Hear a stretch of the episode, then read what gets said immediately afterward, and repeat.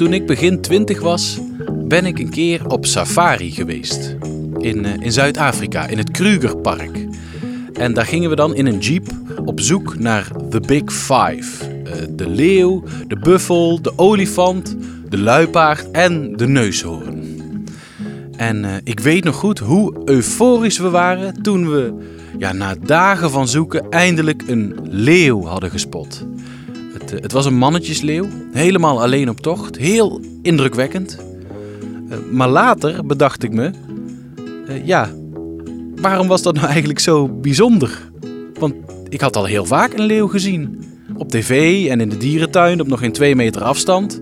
En daar kon ik hem ook veel beter zien dan, dan op dat moment met, me, met mijn verrekijkertje. Was het dan omdat hij daar in het wild rondliep? Of, of vooral omdat we er zo lang naar hadden gezocht? Of, of misschien is het maar net welke bril je opzet. Was het toen de, de safari-bril die het allemaal zo bijzonder maakte? Dames en heren, welkom bij Luisterruit, de NS-podcast voor in de trein. Met mooie verhalen over één thema maken wij van jouw ritje in de trein een reis. Yes, en vandaag gaan we op safari in ons eigen kikkerlandje. Want stiekem zit het hier vol met de meest fantastische vogels. Eh, zoogdieren, amfibieën, ja, die hier ook gewoon wonen. Net als wij. En, en waarom vinden we deze dieren eigenlijk minder bijzonder dan die dieren in Zuid-Afrika? Nou, ik heb het even opgezocht. Safari betekent lange reis in het Swahili. Nou duurt de aflevering eh, een half uurtje, maar zwa. Pak die concentratie. We gaan zoveel mogelijk dieren spotten. Welk dier komt het eerst in je op als je aan Nederland denkt? Natuurlijk, de koe. Dikke kans dat je er nu een ziet eh, als je naar buiten kijkt. Maar heb je hem wel eens van dichtbij gezien? Nicky ging het weiland in met Karel Buskes, een Groningse kunstenaar die erg veel koeien heeft geschilderd. Mooi, ze staan zelfs in het bosje, zie je? Waar? Daar zie je recht voor, zie je ze in het bosje.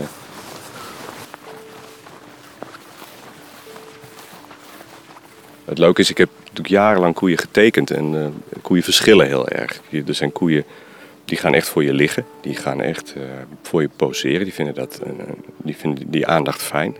Maar je hebt ook koeien die, waarbij je bij seconde één al merkt, dit wordt hem niet. Die worden zenuwachtig, die, die worden liever niet bekeken. Dus dat is niet anders dan bij mensen. Dat, dat is heel grappig om te merken. En ze hebben ons al ontdekt.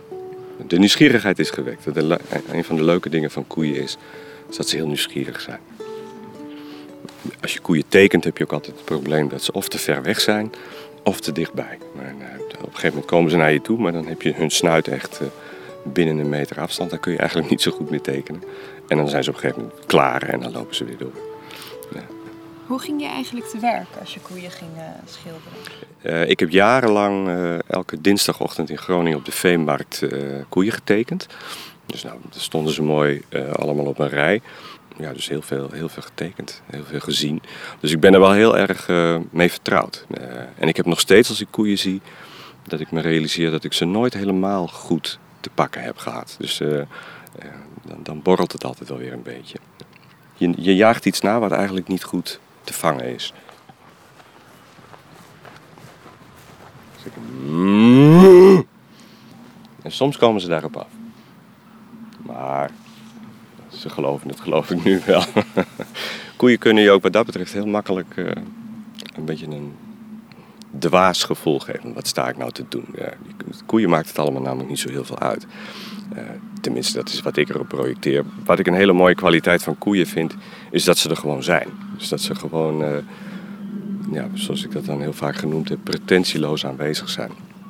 En dat is een kwaliteit die wij allemaal bij ons hebben, maar waar we maar weinig gebruik van maken. Dus wij vinden altijd overal iets van. Of we, zijn, eh, hebben last van oordelen over dingen. En dat is tegenwoordig natuurlijk sociale media eh, helemaal zo. Dus eh, alles is meteen doordringd van meningen en eh, likes. En, terwijl koeien die hebben de kwaliteit om gewoon aanwezig te zijn. Ook heel fysiek aanwezig te zijn.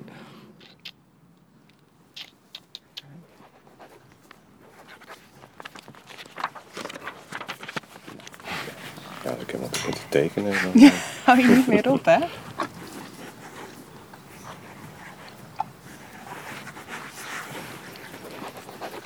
Het is bijna een huwelijk geworden, dat realiseer ik me wel eens. En nou ja, zoals huwelijken ook hun ups en downs hebben, geldt dat ook wel voor mijn relatie met koeien.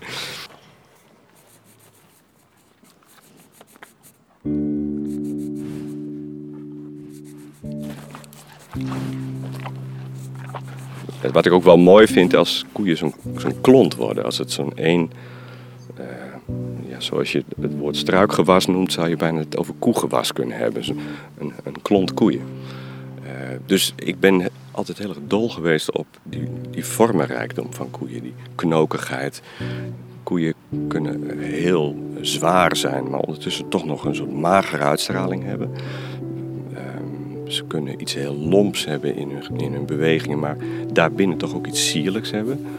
En, inderdaad, het zwart-witte van de koeien, daar zit heel veel kleur in. En het, als je ervoor gaat zitten en je dat gaat afvragen, dan kun je krankzinnig worden van hoeveel kleuren je daarin kunt lezen.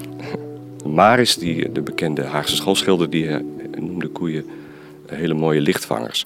Dat was natuurlijk een echte impressionist, die was heel erg in het licht geïnteresseerd. En koeien die vangen het licht inderdaad heel mooi. Met name in het wit van de koeien gebeurt heel veel. Als je goed naar een koe kijkt waar de zon op schijnt, dan zie je in de schaduwkant soms bijna blauwige uh, schaduwen. Uh, dus de, uh, de, huid van een koe is heel rijk aan kleur. Het is denk ik ook niet vreemd dat er ook wel een soort belangstelling is voor koeien mensen graag teruggaan naar iets bazaals. Naar iets wat op een heel erg bazaal zijnsniveau te bevatten is. Uh, want de rest is eigenlijk niet te bevatten. het is te veel. Dus we leven in een te ingewikkelde samenleving, denk ik. Dus dat verklaart wel weer waarom mensen ook behoefte hebben om, om koeien te zien uh, in de wei. Het is eigenlijk de kunst om uh, als je tekent, het, het, het, oordeel er helemaal uit te halen. Dus om gewoon te gaan tekenen, om gewoon contact te maken met wat zie ik. Hoe kan ik dat direct vertaald krijgen? In die zin sluit het ook wel aan met mijn fascinatie voor de koeien, omdat het gaat over oordeelloosheid. Over gewoon maar volgen wat er is. Kijk eens, nu uh, gaan ze nog één stapje verder in het benaderen van ons.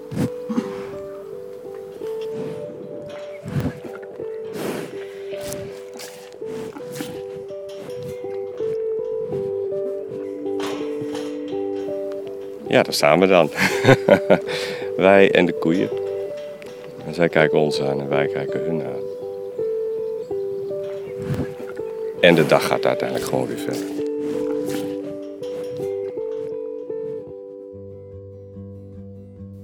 Mijn opa zei vroeger wel eens tegen mij dat ik als een koe naar een trein zat te kijken. Dat krijgt nu ineens eh, veel meer betekenis. Dat is dus eigenlijk best positief als je het zo bekijkt.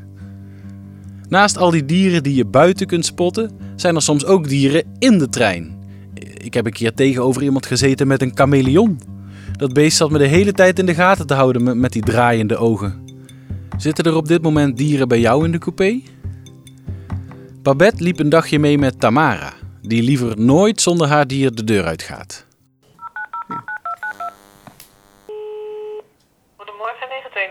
Waar kan ik je helpen? Ik uh, wil vanaf uh, Nieuwegein, uh, Galenkop, naar Utrecht Centraal met de bus. En dan wil ik vanaf Utrecht Centraal naar Apeldoorn toe met de trein. Hoe lang heeft u nodig om naar de trein te lopen? Nou, ga uit van 10 minuten. Ik loop met een blinde geleidehond. Ik ben Tamara Bessels en ik ben 52 jaar. Nou, ik was uh, rond uh, mijn 24ste dat ik de slechte ging uh, zien. Een heel klein kiertje. Dat is het wat ik zie. En dat is wel heel vermoeiend. En het is als een puzzel, kijk je. Nou, we lopen nu van huis naar de bus. Ik hoef bijjaar niets te zeggen. Want als wij deze kant op lopen, dan lopen we naar de bus. En normaal gesproken moet ik Baja wel aanwijzingen geven waar ze heen moet lopen. Omdat ze dus geen ingebouwde tomtom heeft. Kom maar. Kijk, en dit vind ik dus tegenwoordig heel handig. Baja paal. Goed zo. Lijn 77, richting Beeldhoven vertrekt over 1 minuut. Moet je nog even een plasje doen bij? Baja, ga maar een plasje doen. Kom maar. Kom maar. Met een stok lopen voel ik me echt eh, visueel beperkt. En met de hond lopen niet. Terwijl een stok kan je opvouwen in je tas. En dan, in dit geval bij mij, zie je het niet aan mijn ogen. En eh, een hond stop je niet zomaar in je tas. Maar toch voel ik me met de hond veel meer zelfstandig en eh, ja, fijner dan dat ik met een stok loop. Even mijn OV pakken. Hij kwam er zo aan, hè? Ik hoor hem al. Kom, naar de bus, hè. Goed zo, braaf. Goedemorgen. Kom maar. Nou, ik pak altijd, eh Baja weet dat ook. eh, ehm, als je in de bus komt, gelijk links de brede stoel. En als daar iemand zit, gaat Baja echt zo staan, zo van wij willen daar graag zitten. Kom even bij. Dan. Ik doe nu de beugel af. Kom maar Baja, draai. Baja, Baja. Kom maar tussen. Het reizen, als je visueel beperkt bent, kost gewoon veel meer tijd dan als je ziet. Ga maar rechts. Naar de OV-chip. Waar je? Naar de poortjes. Nu ben ik op het station, maar ik zou niet weten welke trein we moeten hebben, dus we gaan naar eh, de infobalie. Goedemorgen. Baja staat altijd gewoon voor me klaar. Eh, ook als ik het moeilijk heb. Er zijn ook best wel momenten dat ik, eh, dat ik verdrietig ben of dat ik eh, eh, pijn heb. Eh, dat komt nog wel eens voor. En eh, dat voelt zij aan. Zij komt dan bij me en eh, zij eh, ja, komt me dan troosten. En dat is gewoon heel fijn. Dank u wel. Er zijn geen storingen verder. eh. Hij rijdt gewoon. Goed, dank u wel. Gaan we naar de lift. Kom maar links bij. We waren nu bij 7. Gaan we vooraan, want we moeten naar 12. Je moet opletten dat je de stelt. Bij alle eh, perrons in Braille, bij de leuningronde, hebben ze ook aangegeven welk perron het is. Kom maar bij je. Gaan we. Zoek de trap hoog. Er wordt natuurlijk in de opleiding veel getraind met eh, openbaar vervoer. En Bayer vindt het ook heel leuk eh, om eh, te reizen met de trein. En, en Ewald vond dat ook heel leuk. En Amy en Joyce en Olly ook. En ik heb ook nog Faya gehad. Dit is gewoon nummer 6, ja. Ja, ja, dat moet mij wel altijd weer herinneren aan dat ik ook ouder word. Nu we het toch zo over honden hebben. Ik, ik sprak laatst een machinist, Koos Tigelaar, en die redde een verdwaalde hond van het spoor. Eh, wacht, hoe zat dat nou ook alweer? Ik bel hem even.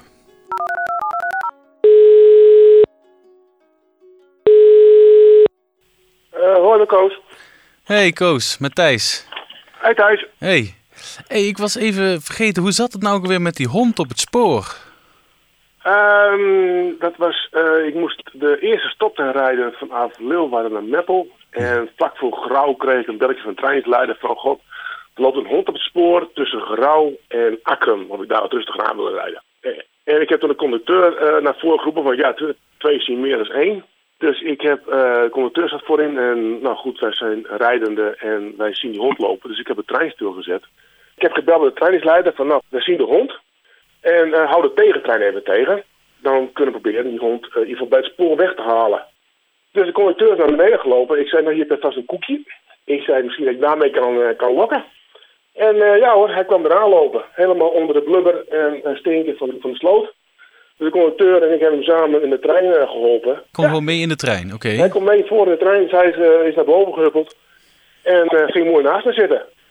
Dus de conducteur de deur dicht en hij kijkt nog één keer naar buiten voor het laatste kijkmoment. Dus ziet daar een man aankomen lopen, rennen.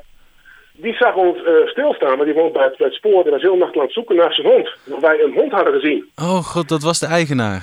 Dat was de eigenaar. Dus Ja. hij heeft de hond eruit gehaald en aan de eigenaar teruggegeven. Ah, kijk. En die was natuurlijk dolgelukkig dat hij zijn hond weer terug had. Die was dolgelukkig dat die hond er terug was. Hij had de hele nacht lopen zoeken. Hij was die hond waarschijnlijk eh, achter een steenmat eraan geweest. En zo van het erf af eh, gelopen. Oké, Koos. Dankjewel Ja. dat je mijn eh, geheugen weer eh, opgefrist hebt. Is goed, Thijs. Oké. Nou, tot de volgende keer, hè. Tot de volgende keer weer. Hoi, hoi. Hoi. Ja, nu hebben we het dan wel over koeien en honden, maar tijdens een safari wil je natuurlijk spannende beesten zien. Nou, vergis je niet hoor, ook hier in Nederland kan het soms een vrede boel zijn.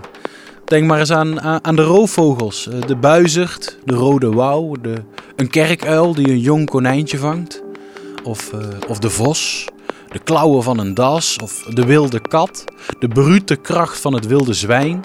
Eh, de wolf komt misschien weer terug. Ja, pas maar op. Het is ook hier eten of gegeten worden. En dan niet te vergeten, de meest beestachtige van allemaal. Het is het einde van een lange dag. Een oranje zon zakt langzaam achter de horizon en de avond nadert. Dit is het moment waarop zich dagelijks een bijzonder natuurverschijnsel afspeelt. Een grote kudde beesten migreert.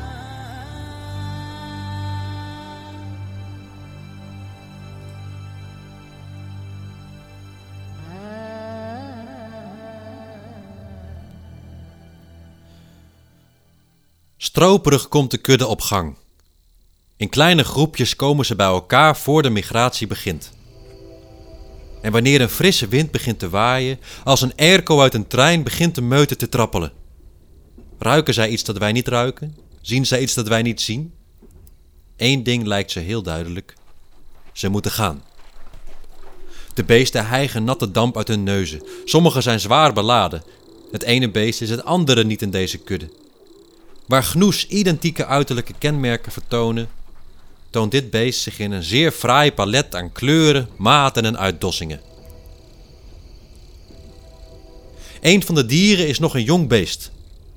We volgen hem en noemen hem Nacho. Het is Nacho zijn eerste migratie als jong volwassen dier. Hij verlaat het oude nest om volledig zelfstandig te gaan leven. In bonte kleuren verschijnt hij aan de aftrap. Aan zijn zijde staat zijn moeder. Maar waar het kalf aan de lange tocht begint, zal de moeder achterblijven. Zij maakte deze migratie al lang geleden. Die van hem moet nog beginnen. Wanneer de kudde in beweging komt, is het alsof de moeder huilt. Het beest kent een hoge emotionele intelligentie, haast gelijk aan een olifant. Nacho staat er alleen voor. Samen met duizend onbekenden. Tientallen exemplaren duwen elkaar door een opening niet veel groter dan een holleboom. En ook Nacho perst zich erlangs. Gedurende de migratie houden de dieren elkaar nauwlettend in de gaten. Op de uitkijk voor wolven, hyena's of leeuwen. De kudde beschermt elkaar, doch zij het met een licht wantrouwen. Hun ogen schieten schichtig heen en weer. En hun oren zijn gespitst. Elk geluid wordt opgevangen en ieder geritsel gehoord.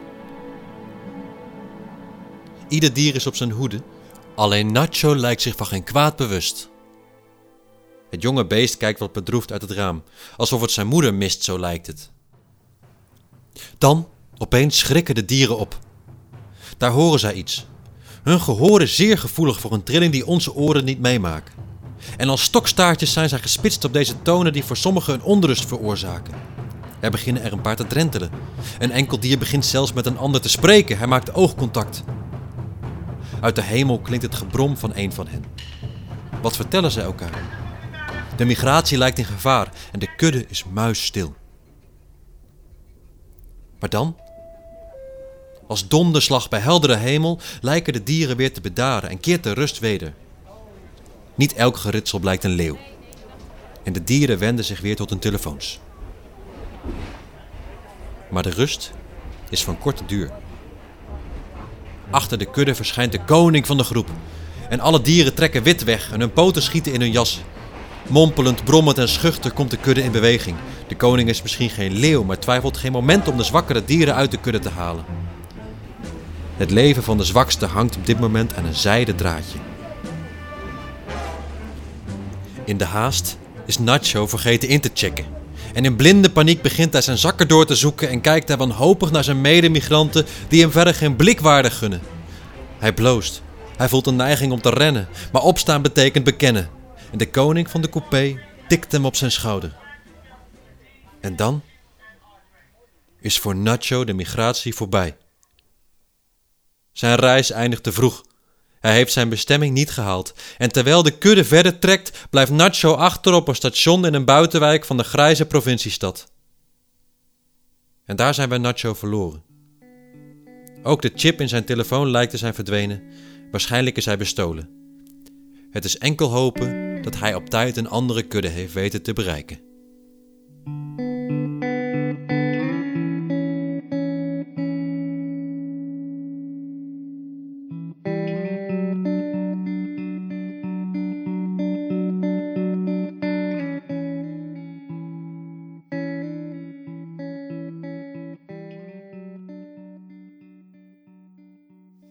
Wordt gezegd dat wat ons onderscheidt van andere dieren, dat dat eh, de taal is. Dus, dus dat wij een veel complexere manier hebben om te communiceren. Maar als ik in de trein zit, dan, dan hoor ik soms gesprekken waardoor ik me toch afvraag of dat nou zo'n hele grote kwaliteit is. Je kunt natuurlijk naar een Afrikaans reservaat gaan voor wilde dieren, maar je vindt ze ook veel dichter bij huis, op plekken waarvan je denkt: "Pff, waarom zou je daar nou gaan wonen? Bijvoorbeeld op het station. Lotte ging in plaats van de Big Five op zoek naar de Small Five. En die kun je gewoon vinden tijdens het forensen. Ik zie nog een dier. Een hond. Ja. ja, die telt niet voor het station, toch? Nee, dat vind ik ook niet. Ik sta op Utrecht Centraal Station. Het is 4 uur, de spits begint zo. Het begint al aardig druk te worden. Elke dag zijn er wel 186.000 mensen die hier in en uitstappen. Maar daar kom ik vandaag niet voor. Ik kom namelijk vandaag voor de dieren. En ik heb zo afgesproken met Gitty Korsuizen. Eh, ik ben Gitty Korsuizen. Ik werk voor de gemeente Utrecht als stadsecoloog. Gitty heeft voor mij een stations Small Five bedacht. Eh, ja, Vijf kleine dieren die je met een beetje geluk moet kunnen zien op de stations. Op één. De slechtvalk. Daar heb je echt wel de grotere stations voor nodig met de hoge gebouwen. En dan is Utrecht Centraal daar één van. Eh, nou ja, hij zit soms op de richel hier eh, aan de zijkant van het eh, Beatrix Theater. Nu zie ik hem natuurlijk niet, want altijd als je op uitzending bent, dan zitten ze er nooit. De slechtvalk laat zich niet zien, voorlopig. Op twee, Ik zou de vleermuis op twee zetten, gewoon omdat hij er niet het hele jaar rond is. Dus in de winter is hij in winterslaap. Eh, als het schemert moet je gaan opletten en dan zou ik inderdaad gewoon naar boven kijken. Eh, daar vliegen, de mugjes en eh, daar vliegen dus ook de vleermuizen. Ik denk op nummer drie dan toch een muisje tussen de rails. Alle rest, etensresten die tussen de rails vallen, die worden opgegeten door muizen en door ratten. En, ja, waar voedsel is, daar komen ook dieren naartoe. en op vier, De mus. Er er zit wel ook echt een, een groepje musjes hier op het eh, station die dat heel aangenaam verpozen vindt. is dat dan hetzelfde groepje musjes steeds? Ja, over het algemeen wel. Eh, de huismus is best wel honkt vast. En ehm, op vijf, De stadsduif. Dat moet lukken. laten we kijken wat we, wat we kunnen vinden ervan. Hoeveel we er kunnen afstrepen.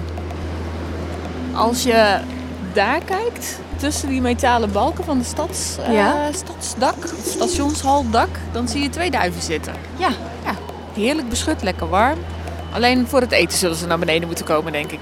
Op het moment dat je erop gaat leggen, dan zie je het. En dat geldt voor heel veel natuur. De meeste mensen zien het niet totdat ik het ze aanwijs. En, en dan zien ze het ineens overal.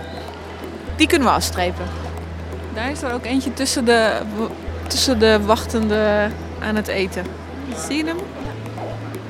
bij de prullenbak, bij die bankjes waar je kan wachten. Misschien ook nog wel leuk om te kijken als die trein weg is of er nog een muisje heen en weer piept. Ja. Maar hier is het in ieder geval net wat donkerder, dus dat vindt hij misschien net wat fijner. Nee, dit perron is eh, tot nu toe muisloos. Er ligt wel een bril. We hebben ook nog geen mussen gezien trouwens. Nee, dat valt me tegen inderdaad. Magere score dus vandaag. Oké, twee duiven.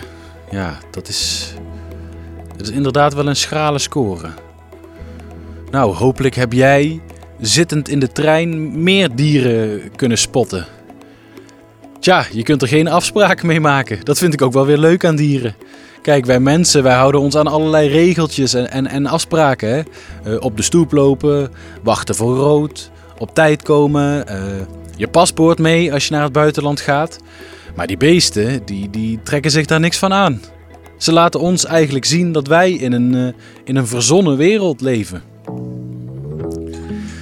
Luisteruit is een NS-podcast voor in de trein. Nieuwe afleveringen verschijnen elke eerste maandag van de maand.